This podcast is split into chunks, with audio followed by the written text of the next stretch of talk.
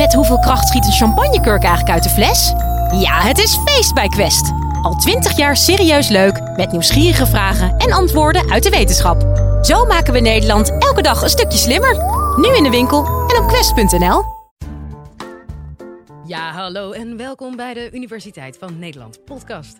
Mijn naam is Sophie Frankemolen en fijn dat je luistert. Je oren. Je gebruikt ze op dit moment en ze zijn fascinerend. Als je gehoor achteruit gaat, kun je geluiden gaan horen die er niet zijn. Sterker nog, ze kunnen steeds harder gaan klinken naarmate je gehoor achteruit gaat. Sommige mensen horen op deze manier volledige symfonieën in hun hoofd, terwijl ze vrijwel doof zijn. Hersenwetenschapper Masha Linsen van het UMC Utrecht vertelt je in dit college hoe dat komt. Live vanuit Club Air is dit de Universiteit van Nederland. Ik wil je een verhaal vertellen. Het is het verhaal van een gepensioneerde componist. Hij uh, woont in een verzorgingshuis, hoort wat slechter dan hij deed, maar voor de rest gaat het eigenlijk wel goed met hem. En op een dag als alle anderen loopt de componist loopt door het verzorgingshuis totdat hij ineens een geluid hoort dat hem doet verstommen. Hij hoort namelijk muziek. Het is niet zomaar muziek. Het is muziek die hij zelf heeft gecomponeerd, jaren geleden, voor zijn echtgenote, voor de verjaardag. Alleen het frappante is dat hij die muziek nooit heeft uitgeschreven. En destijds speelde hij het op de piano voor. Nu wordt het gespeeld door een volledig symfonieorkest. Nou, je kan je de verbazing van deze man voorstellen. Dus wat hij doet is op zoek. Hij zoekt het hele verzorgingshuis af, op zoek naar de bron, op zoek naar dat orkest, want hij heeft nog wel wat vragen voor ze. Tot op het punt dat hij zich realiseert dat er geen orkest is. Dat niemand anders het orkest kan horen, behalve hijzelf. En dat het orkest uit zijn eigen hoofd moet komen. Deze man heeft muzikale hallucinaties. En het frappante is dat precies dit soort verhalen, als van de componist, eigenlijk al sinds de mid-19e eeuw, telkens weer de kop opsteken. Tot aan nu. Telkens weer hetzelfde. Heel vaak gaat het om muzikale geluiden. Heel vaak weten mensen, net zoals de componist, precies wat ze horen niet echt kan zijn. De geluiden gaan ook niet gepaard met waanideeën, zoals dat bij een psychose wel het geval is. En heel vaak gaan de geluiden gepaard met slechthorendheid, gehoorverlies. Kun je dan echt meer geluiden gaan horen als je juist minder hoort? De verhalen zijn er in elk geval een eerste aanwijzing voor. Een tweede aanwijzing kunnen we lenen vanuit onze andere zintuigen. Als je um, minder informatie krijgt uit die andere zintuigen, dan kan dat leiden tot hallucinaties. En dat zie je bijvoorbeeld ook terug bij de ogen. Dat heet het syndroom van Charles Bonnet. Mensen die slechter zien, kunnen daarbij ook visueel gaan hallucineren. En dat kunnen hele simpele beelden zijn. Denk aan kleuren, vormen, lichtflitsen, tot aan hele complexe beelden. Zoals, ik noem maar wat, een gezellige rij padvinders die gearmd en volledig in uniform zijdelings de autosnelweg oversteekt. Gelukkig maar, zeker in het geval van de padvinders, um, weten mensen met Charles Bonnet-syndroom vaak heel goed dat wat ze zien niet echt kan zijn. Dat lijkt eigenlijk heel erg op het verhaal van de componist. Een ander, nog net iets extremer voorbeeld van een hallucinatie bij totale vermindering van de info uit de zintuigen is fantoompijn. Dat is wanneer je pijn voelt in een ledemaat nadat dat ledemaat al is geamputeerd. We denken dat dit te maken heeft met een proces dat deafferentiatie heet. Je moet het zo voor je zien dat je waarneemt um, vanuit al je zintuigen, doordat er een continue stroom aan informatie binnenstroomt.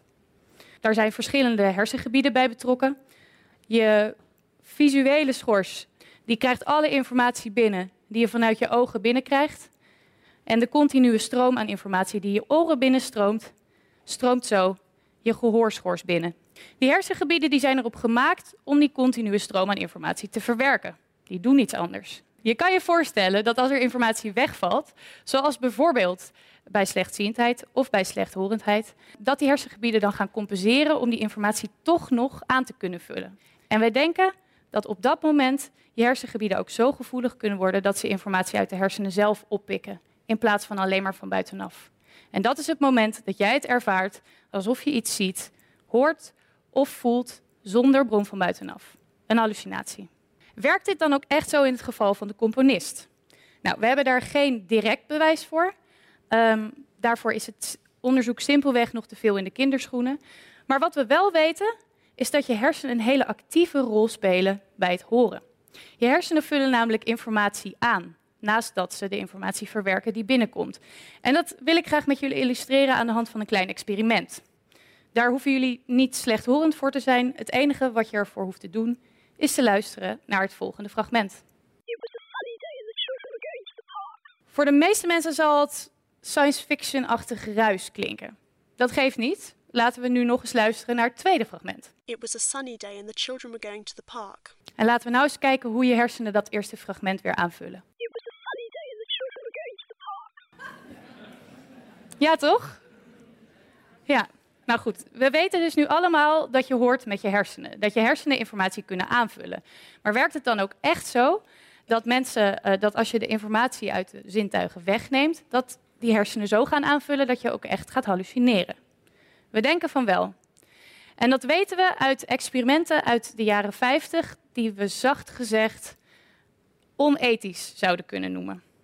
Mensen werden blootgesteld aan volledige isolatie. Dat uh, betekent isolatie van andere mensen, maar ook van alle informatie uit hun zintuigen. Mensen zagen niks, mensen hoorden niks, mensen voelden niks en dat gedurende een periode van een aantal dagen. Dat gaan we vanavond niet doen. Sinds de jaren 70 mag dit soort experimenten niet meer worden uitgevoerd. Maar wat we er wel nog van weten en hebben geleerd, is dat bijna al deze mensen gingen hallucineren na verloop van tijd. De meeste mensen uh, hadden visuele hallucinaties, dus die zagen beelden. En dat leek eigenlijk stiekem best wel wat op het syndroom van Charles Bonnet. Mensen zagen simpele dingen, lichtflitsen, kleuren, vormen. Maar na verloop van tijd werden de beelden steeds complexer. Om maar een letterlijke uh, verhaal te vertellen zoals dat destijds in de jaren 50 is opgeschreven. Iemand die een hele rij eekhoorns met kleine knapzakjes over hun schouders in een rijtje naar de horizon zag marcheren. Goed, dus dat kunnen mensen zien. Sommige mensen hoorden ook geluiden. Men omschreef het horen van stemmen, maar ook het horen van muziek. En dan zijn we weer terug bij het verhaal van de componist. We hebben weer een aanwijzing dat minder zintuigelijke info juist tot hallucinaties kan leiden. Bestaat er dan ook echt een verband tussen gehoorverlies en fantoomgeluiden? Nou, er zijn in de loop der tijd zijn er een aantal studies gedaan in de algemene bevolking die dat verband hebben onderzocht. Die vonden inderdaad een verband. Alleen was het jammere van die studies dat het vaak niet zo betrouwbaar was. Wat zij namelijk deden, was dat ze vroegen aan mensen: hey, uh, hoe goed hoor jij eigenlijk? In plaats van dat ze een echte meting deden van het gehoor. Dus je kan je afvragen hoe betrouwbaar het resultaat is wat zij hebben gevonden. Dat is dus ook de reden dat wij de afgelopen jaren zelf een studie hebben gedaan op de polyaudiologie, waar mensen ook kwamen voor een meting van hun gehoor. En we hebben het geluk gehad dat we bij meer dan duizend mensen um, die zo'n meting van het gehoor kregen, konden vragen: Goh, hoort u nou wel eens iets zonder dat daar een bron is voor, voor is van buitenaf? Hoort u wel eens geluiden die een ander niet kan horen? Nou, we waren heel voorzichtig in onze bewoording. Termen hallucinaties hebben we niet gebruikt. We wilden de mensen verder niet afschrikken. Ook maakten we een heel duidelijk onderscheid tussen oorzuizen en de geluiden die wij bedoelden. Oorsuizen kan ook voorkomen bij gehoorverlies. Maar het ging ons echt om complexe, betekenisvolle geluiden. Als waren ze afkomstig van een bron van buitenaf. Nou ja, toen we de resultaten bekeken, toen konden we een antwoord geven op de vraag. Want ja, er bestaat een verband tussen gehoorverlies en het horen van dit soort fantoomgeluiden. In de groep met gehoorverlies hallucineerde in de laatste maand ongeveer 16 procent. En dat was maar 6 procent in de groep zonder gehoorverlies. Dus dat was een heel duidelijk verschil. Als je nou die groep met gehoorverlies nog verder uiteenzette op basis van ernst van hun gehoorverlies, dan zag je dat naarmate het gehoorverlies ernstiger werd, het percentage mensen met hallucinaties ook steeds hoger werd. Tot aan een kwart van de mensen met hallucinaties in de meest aangedane groep. Als je kijkt naar wat die mensen precies horen, dan is er een mooi verband te zien met de componist. Een derde van de mensen beschreef het horen van muziek. Ze hoorden bijvoorbeeld een, uh, een big band of een, uh, een keiharde techno beat. Maar ze hoorden bijvoorbeeld ook um, Nou ja, dit.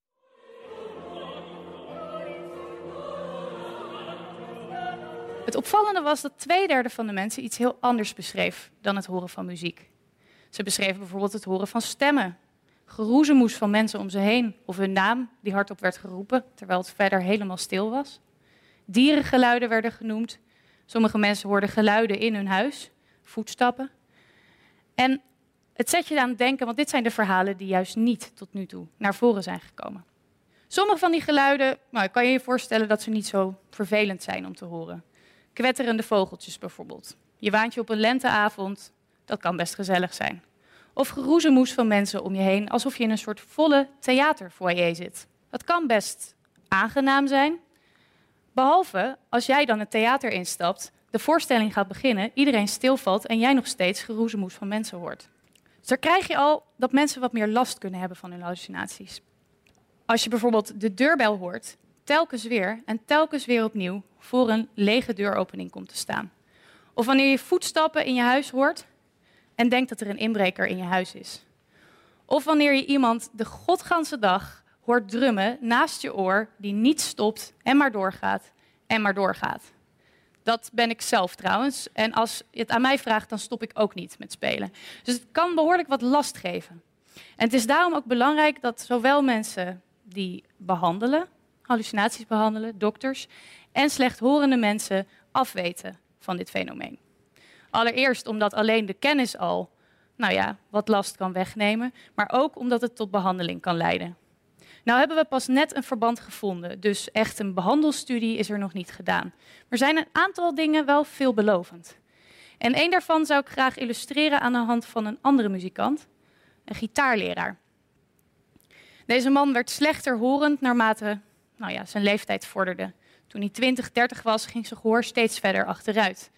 En hij begon daarbij ook stemmen te horen. Tot op het punt dat hij zelfs een psychose kreeg. En die psychose bleek heel lastig behandelbaar. Antipsychotische medicatie werkte eigenlijk niet zo goed. Hij heeft twee jaar lang een psychose gehad en de psychose ging pas weg op het moment dat deze meneer een cochleair implantaat kreeg. Een elektronisch hulpmiddel ter verbetering van zijn gehoor. Behandeling van de hallucinaties door gehoorverlies te behandelen is dus een veelbelovende methode en het onderzoeken waard de komende tijd. Wat ook het onderzoeken waard is en wat voor ons onderzoekers heel prettig is, is dat we dit verband überhaupt hebben gevonden. Het brengt ons namelijk weer een stapje dichterbij om hallucinaties te begrijpen. Wij kunnen nu bij de mensen die wel eens hallucinaties bij gehoorverlies hebben, vervolgonderzoek doen. Om te kijken, is het nou ook echt zo dat hun hersenschors gevoeliger is dan de hersenschors van mensen zonder die hallucinaties? Maar het is juist een groep die niet per se dokter is, niet per se slechthorend, niet per se onderzoekers, waarvoor het belangrijk is dat ze hiervan afweten. En dat zijn jullie. Dat zijn we eigenlijk allemaal.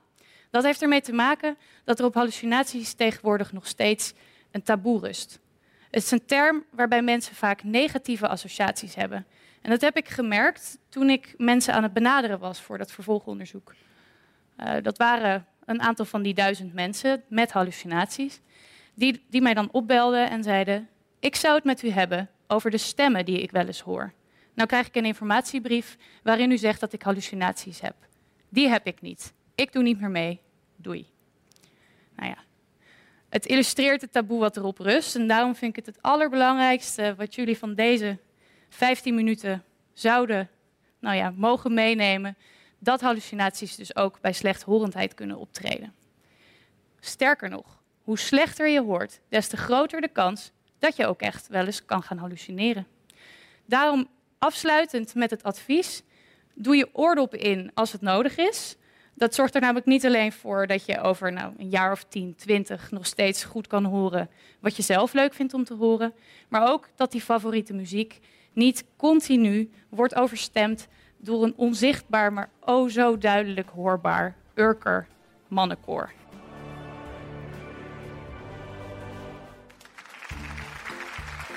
Dat was Masha Linsen.